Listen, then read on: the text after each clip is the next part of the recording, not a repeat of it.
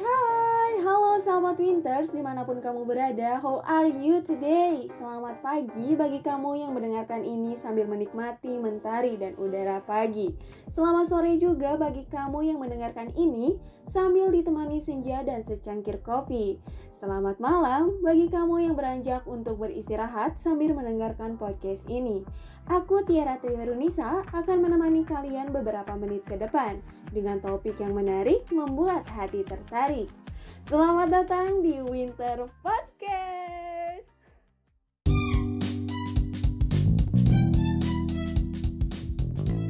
Halo, akhirnya kita ketemu lagi nih. Kali ini aku sangat excited banget pokoknya karena ini adalah episode spesial yang di mana aku bakalan ngebahas salah satu olahraga yang banyak digemari. Uh, terutama aduh ini digemari sama ciwi-ciwi ya karena banyak cowok nih atau cowok ganteng yang ada di olahraga ini Siapa sih yang gak kenal sama Michael Jordan, Kobe Bryant? Tentunya mereka tuh identik sama olahraga apa yo? Pastinya kan olahraga basket. Nah karena episode ini spesial, tentunya aku gak sendirian. Aku ditemenin seorang wanita yang spesial juga nih, yang punya segudang prestasi di bidang olahraga terutama ya basket. Langsung aja nih sapa halo Kak Septi. Halo teman-teman. Assalamualaikum, aku Seti Rizkyani, aku asal Bandung. Aku sekarang lagi menempuh pendidikan menjadi seorang mahasiswa UIN Sunan Gunung Jati Bandung. Jurusan Manajemen Keuangan Syariah. Manajemen Syariah. Iya nih, seneng banget nih bisa ada di sini. Bisa nyapa pendengar Winter Podcast ya. Salam kenal semuanya. Salam kenal tuh dari Kak Septi Rizkyani ya jadi akhirnya nih ya Kak Septi kita bisa berjumpa kembali nih setelah beberapa bulan gak ketemu kan ya? Betul sekali. Akhirnya podcast ini tuh mempertemukan kita gitu. Jadi uh, ngomong-ngomong nih apa kabar? Gimana nih kuliahnya? Aman gak? Alhamdulillah, Alhamdulillah kabar aku baik banget nih. Kalau soal kuliah sih ya walaupun pandemi ini ya agak bete dan bosen juga ya. Tapi ya aku jalan-jalanin aja sih ya intinya walaupun bosen tapi jalani aja lah ya karena iya. pengen cepet-cepet lulus juga bener ya kan? banget sih nah bener banget setuju sih kalau misalkan pandemi ini tuh bikin mumet biasanya kak uh, kak Septi ini kalau lagi bosen ngapain aja sih kak kalau aku pastinya selain jalan-jalan ya aku sering banget nih main basket. Menjadi jalan ninja aku di kala bosan aku nih tiap hari. Oh, asik ya sih bermain basket menjadi jalan ninjaku di kala bosan katanya nih. Nih by the way ngomongin tentang basket nih. Soalnya kan Kak Septi ini terkenal dari zaman sekolah ya. Sekolah dulu nih. Banyak banget prestasi di bidang basket nyampe tiap hari Senin tuh ya kebetulan aku sama Kak Septi ini satu sekolah, sekolah waktu SMA. Nah, dan itu setiap hari Senin pas upacara pasti aja gitu nama Septi itu dipanggil kan. banget sih itu sumpah. Aduh, itu kan. Nah, aku lihat kalau uh, Kak Septi juga uh, nyampe sekarang nih selalu update status tuh di media sosial tentang basket, kegiatan basket dan itu masih aktif gitu nyampe sekarang. Boleh nggak sih diceritain nih awal mula Kak Septi berkancah di uh, di basket ini? Sebenarnya aku udah basket lama banget ya. Jadi awal mula aku mulai basket itu dari kelas 7 SMP atau kelas 1 ya. Hmm. Awalnya aku diajak temen-temen aku gitu buat ikut basket hmm. karena katanya dia naksir nih sama salah satu cowok katanya di di basket SMP kita. Yeah. Akhirnya ya karena aku temen yang baik kan ya. Yeah. Dia minta aku buat nemenin terus karena mungkin seleksi alam juga ya hmm. karena apa pun yang kita ikutin tetap ada seleksi alam kan ya. Jadi yeah. aku nih yang bertahan di basket sampai sekarang. Tapi aku dapet kenyamanannya juga sih di basket ini. Aduh jadi pun mulai dari nemenin temen untuk iya, berjuang memperjuangkan cintanya nih. pria gitu. Iya. Tapi pada akhirnya kak Septi ini ditinggal sendiri dan berjuang di basket sendiri gitu ya yang bertahan. Betul. nah tapi untungnya ya nemu titik nyaman kan ya. Betul sekali tuh ya tapi nih di kelas 8 aku sempet berhenti basket karena mulai bosen juga sih. Ih sayang banget kalau nggak diterusin. Itu gara-gara kenapa sih pengen ada sempat berhenti kayak gitu? Jadi jadi gini nih. Jadi waktu karena aku gak pernah masuk tim ya buat tanding di turnamen-turnamen gitu aku jadi mulai insecure gitu lah. Ya mungkin karena aku dulu masih cukup main basketnya. Aku nggak punya skill lebih dibanding teman-teman aku. aduh itu teman-teman aku sumpah sih jago-jago banget nggak ngerti lagi. Mereka cepet Hmm. banget nih nerap materi dari pelatih-pelatih aku. Hmm, tapi waktu itu aku diajakin sama teman-teman aku buat gabung lagi nih karena sempet off juga kan untuk kelas 8 terus aku diajak lagi buat gabung lagi karena katanya mereka mau ikutin salah satu kompetisi basket besar nih antar pelajar apa Indonesia tuh namanya? yang namanya JRBL aduh itu siapa sih kalau orang yang kenal basket pasti kenal juga nih Hmm, JRBL jadi ini itu di besar gitu. ya di SMP kalangan SMP gitu hmm. Nah, tapi di situ karena aku nggak pernah latihan kan selama kelas 8 itu jadi aku dimasukin ke tim dance katanya. Oh, Malu banget sumpah itu. hmm. Karena karena mereka kekurangan dance di turnamen itu. Karena kan kalau misalnya di JRBL itu kalau mau ada tim basket wajib ada tim dance-nya juga dan di sini SMP kita tuh kurang tim dance akhirnya aku diajak buat ikut dance dulu gitu. tapi jadi pengalaman baru juga kan ya kak karena sekarang ya walaupun saat itu gak merasakan gimana jadi pemain inti nih tapi kakak juga kan bisa merasakan gimana jadi tim dance di event besar gitu ditonton sama banget sumpah. itu bukan cuma Kabupa- Kabupaten Bandung doang tapi Jawa Barat nggak sih Iya bener Jawa Iya. Barat itu. Nah kan belum tentu juga nih yang jadi pemain inti bisa dance juga kan. Nah rupanya Betul. nih guys, sobat Winters, Kak Septi ini multi talent ya, bisa dance, bisa basket juga nih. Enggak sih itu karena aku ikut-ikut aja sebenarnya. Oh. Tadi kan udah lihat ya sedikit atau background dari Kak Septi ini di bidang basket. Aku penasaran nih. Katanya Kak Septi ini pernah jadi kapten tim nih. Repot nggak sih kalau jadi kapten tim itu? Iya bener banget nih aku pernah jadi kapten tuh pas SMA dan Hmm. kuliah juga sih saat ini. Nah kalau di SMA sebenarnya agak repot sih buat aku repot banget sih malah karena banyak banget turnamen dan banyak juga yang harus kita urusin ya mulai dari persyaratan kah itu ataupun persiapan dari tim-timnya kalau di kuliah karena kita belum pernah benar-benar ikut turnamen karena pandemi juga paling eh, aku sebagai kapten ya kayak ngerangkul teman-teman aku buat tetap bertahan gitu di tim. Karena kan semangat basket mereka juga kalau udah di menjadi mahasiswa itu pasti berkurang juga. Karena kan beda ya kegiatan anak sekolah dan mahasiswa. Mahasiswa lebih padat dan pasti harus mementingkan studi dulu Ditambah sekarang ya pandemi juga. betul Jadi agak repot kan ya. banyak juga sih kayak mahasiswa mahasiswa atlet basket di UIN tuh yang bukan orang Bandung jadi mereka kan repot juga kalau misalnya harus latihan basket bareng di Bandung gitu kan karena jaraknya juga Hmm, Aku penasaran nih. By the way, eh, prestasi apa aja sih yang pernah diraih atau yang paling berkesan nih selama eh, ikut turnamen atau tanding-tanding kayak gitu? Kalau prestasi sebenarnya eh, lumayan lah ya banyak Uh, banyak banget guys. Pada setiap hari Senin pas upacara itu nama Septi Rizkyani dipanggil tuh dan kawan-kawannya.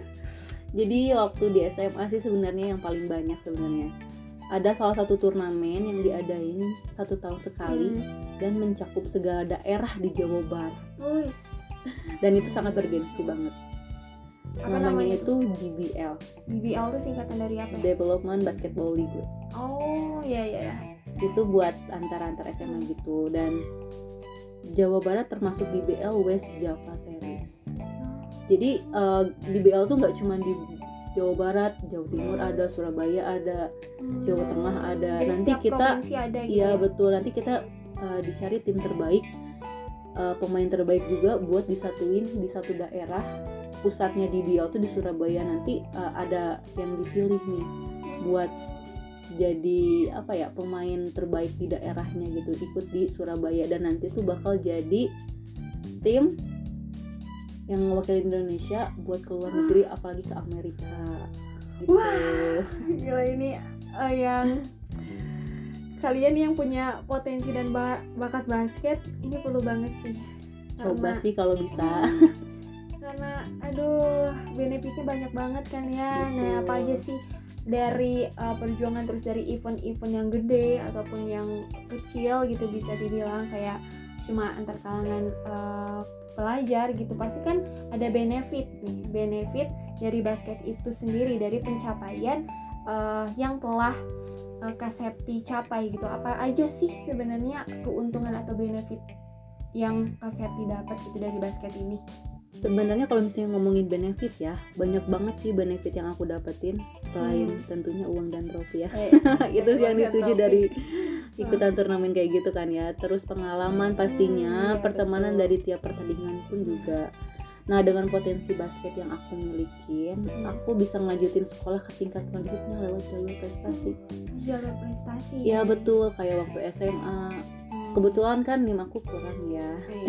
jadi aku diajakin nih sama coach aku buat ya udah deh coba nih lewat jalur jalur prestasi siapa tahu bisa bantu aku buat masuk hmm. sekolah hmm. SMA aku ini ya walaupun deg-degan kan ya betul banget karena sih.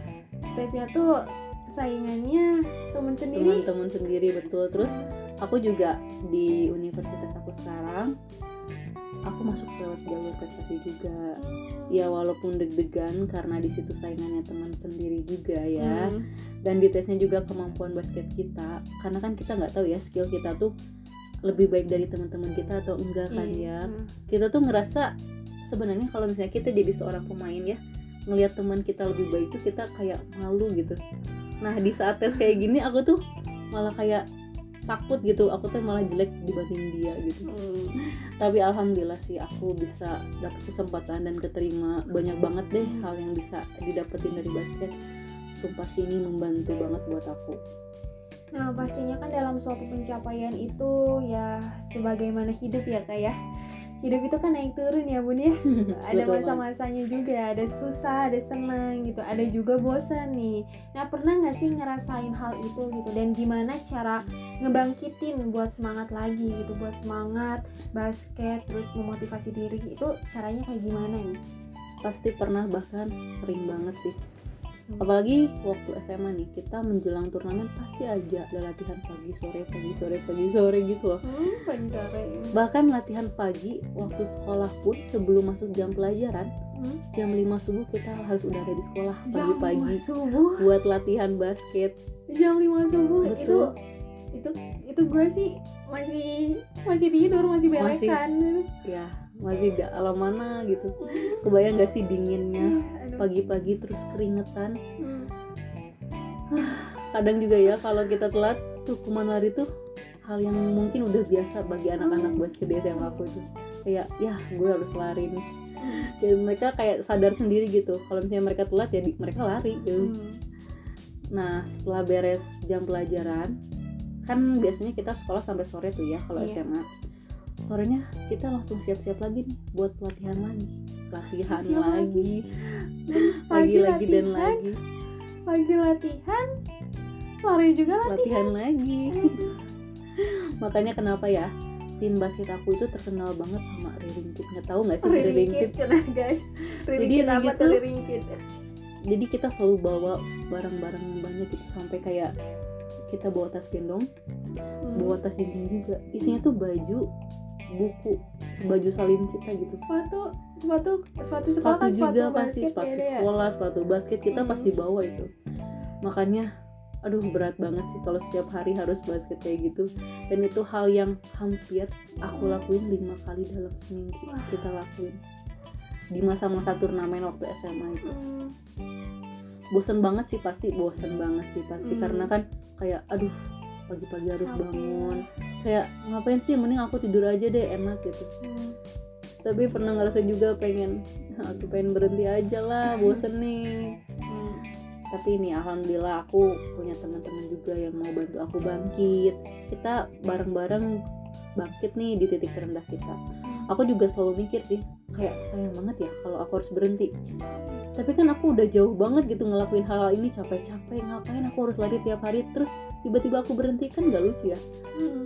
nah tentunya juga ada dukungan dari orang tua supportnya hmm, jadi di sini tuh ya arti support system tuh sangat dibutuhkan dan sangat penting berarti gitu. banget walaupun kita perjalanannya berat gitu kan tadi aduh dari pagi nyampe sore nyampe lima kali dalam seminggu kayak gak ada aduh berhentinya. gak ada berhentinya tapi kan pencapaiannya benefitnya iya gitu loh yang yang bisa ngebantu kita banget buat masa depan Bener ya. banget. mau itu dalam pendidikan juga kan. Nah eh, Kak Septi ini by the way nih Kak Septi ini tergabung eh, dalam komunitas atau organisasi atau klub kayak gitu nggak sih? Boleh tahu dong apa aja kalau misalkan tergabung atau bergabung dalam suatu klub atau organisasi aku aktif di basket kampus tentunya ya Hmm. di namanya tuh KM Bola Basket Fabis di sana aku juga seorang pengurus jadi aku nggak cuman atlet di basket di perkumpulan basket itu tapi aku juga seorang pengurus di bidang kepelatihan. Nah aku juga tergabung nih di salah satu klub basket di daerah aku namanya Rancake Kruster Nah, ngomongin tentang Rancake Rooster, boleh nih kasih sedikit-sedikit cerita atau sedikit-sedikit clue deh buat sahabat Winter yang belum tahu nih Rancake Rooster itu apa. Boleh dong Kak Septi tolong jelasin dikit-dikit. Jadi Rancake Cruiser itu salah satu klub bola basket di Rancake yang dibuat sama para pelatih Rancake nih pelatih-pelatih aku dulu untuk kayak mewadahi anak-anak basket Rancake khususnya di bidang olahraga. Hmm, Nah. oh jadi Rancake Rooster ini tuh kayak wadah untuk mengembangkan potensi dan bakat seseorang di bidang basket. Benar-benar betul Tir, itu. itu kalangannya tuh uh, Ranca Ekek gitu kan ya. Ya bener banget Tir. Selain itu Rancake Cruiser ini juga untuk meningkatkan jangkauan para atlet di Rancake Hmm. nih anak-anaknya. Karena kan sekarang kalau anak ingin menjadi tim daerah ataupun provinsi Hmm. diseleksinya tuh melalui kompetisi antar klub Oh. sedangkan kan anak-anak di Rancake waktu itu belum ada klub jadi Hmm. mereka mau kalau misalnya pengen jadi seorang atlet daerah atau pro- provinsi mereka harus ikut sama klub lain gitu Hmm. padahal kan mereka punya daerah sendiri kenapa Hmm. nggak daerah sendiri, sendiri itu gitu makanya kenapa dibangun klub Rancake Booster ini supaya anak-anak khususnya anak-anak Rancake bisa menjadikan klub ini jembatan mereka mencapai yang lebih tinggi juga di basket. Nah, ngomong-ngomong tentang Ranca Eke Cluster, eh, apa sih posisi Kak Septi ini di bidang Ranca Eke Cluster ini? aku selain menjadi anggota anggota basketnya ya anggota basket KU senior Hmm. jadi alumni alumni ya ya. Aku juga ikut kepengurusannya juga aku di bidang bendahara jadi Hmm. aku bendahara di Rancake Cruiser ini aku ngebantu pelatih pelatih aku karena kan sesuai jurusan aku yang manajemen keuangan syariah Iya. Akhirnya Jadi dipakai aku- ya bun ya. kepake banget nih kuliahnya jadi aku di ini buat ben- jadi bendahara biar bisa Diamanahi. mengaplikasikan nih apa yang aku pelajari di kuliah gitu. Jadi Ranca Eke Cluster ini tuh dibangun pada tahun berapa ya? Pada tahun 2017 Oh, iya. tapi itu dibangunnya 2017 resminya tuh baru kemarin tahun 2020 karena kan kita Hmm. harus menunggu surat keputusan juga dari perbasi kabupaten gitu. Jadi sekarang udah resmi ya. iya alhamdulillah udah resmi. Oh ternyata ngebantu banget ya pengalaman-pengalaman yang uh, telah dipaparkan oleh Kak Septi sendiri dan tentunya ternyata klub-klub juga sangat membantu untuk menjembatani mereka yang ingin mencapai lebih tinggi di dalam uh, bidang basket ini. Nah, buat sahabat Winter nih yang lagi atau yang ingin lebih mengenal tentang pengalaman Kak Septi, boleh aja tanya-tanya lewat DM-nya apa nama uh, IG-nya? Tuh. Oh, buat kalian nih yang kepo atau mungkin uh, ada sahabat Winters nih orang Ranca Ekek, Jatinangor, Cileunyi atau pokoknya Bandung Timur deh boleh nih langsung aja lirik IG Ranca Ekek Rooster uh, apa nama IG-nya? at Ranca Ekek underscore roosters pakai S ya Oh, at Ranca Ekek underscore Rooster. Nah, tapi sayangnya episode kali ini tuh cukup sampai di sini. Terima kasih banyak nih buat Kak Septi karena Aduh, udah iya, sempet sama-sama. hadir nih di Winter Podcast dan mau berbagi cerita kepada sobat Winter. Iya sama-sama aku juga senang nih bisa berbagi cerita sama teman-teman Winters nih Hmm. Semoga apa yang disampaikan atau informasi-informasi yang telah kita paparkan secara tidak langsung itu semoga bisa bermanfaat dan membantu sahabat Winters. Seperti apa yang aku bilang dari awal podcast ini bahwa pendengarku itu harus bahagia. Ingat ya, jangan galau, jangan risau, jangan overthinking dan jangan terlalu dipikirin. Tetap semangat jalani hidup ini Kalau merasa capek, kamu istirahat dulu. Gak apa-apa kok, terlihat lemah itu bukan berarti menyerah. Sama seperti pengalaman Kak Septi, walaupun dia capek menjalaninya, tapi dia have fun dan pencapaiannya tuh sesuai dengan uh, usahanya gitu. Pokoknya buat sahabat pinter, stay safe, stay healthy, and love yourself. Sekian dan terima kasih. Saya Tiara Firnisa, pamit undur diri. Bye!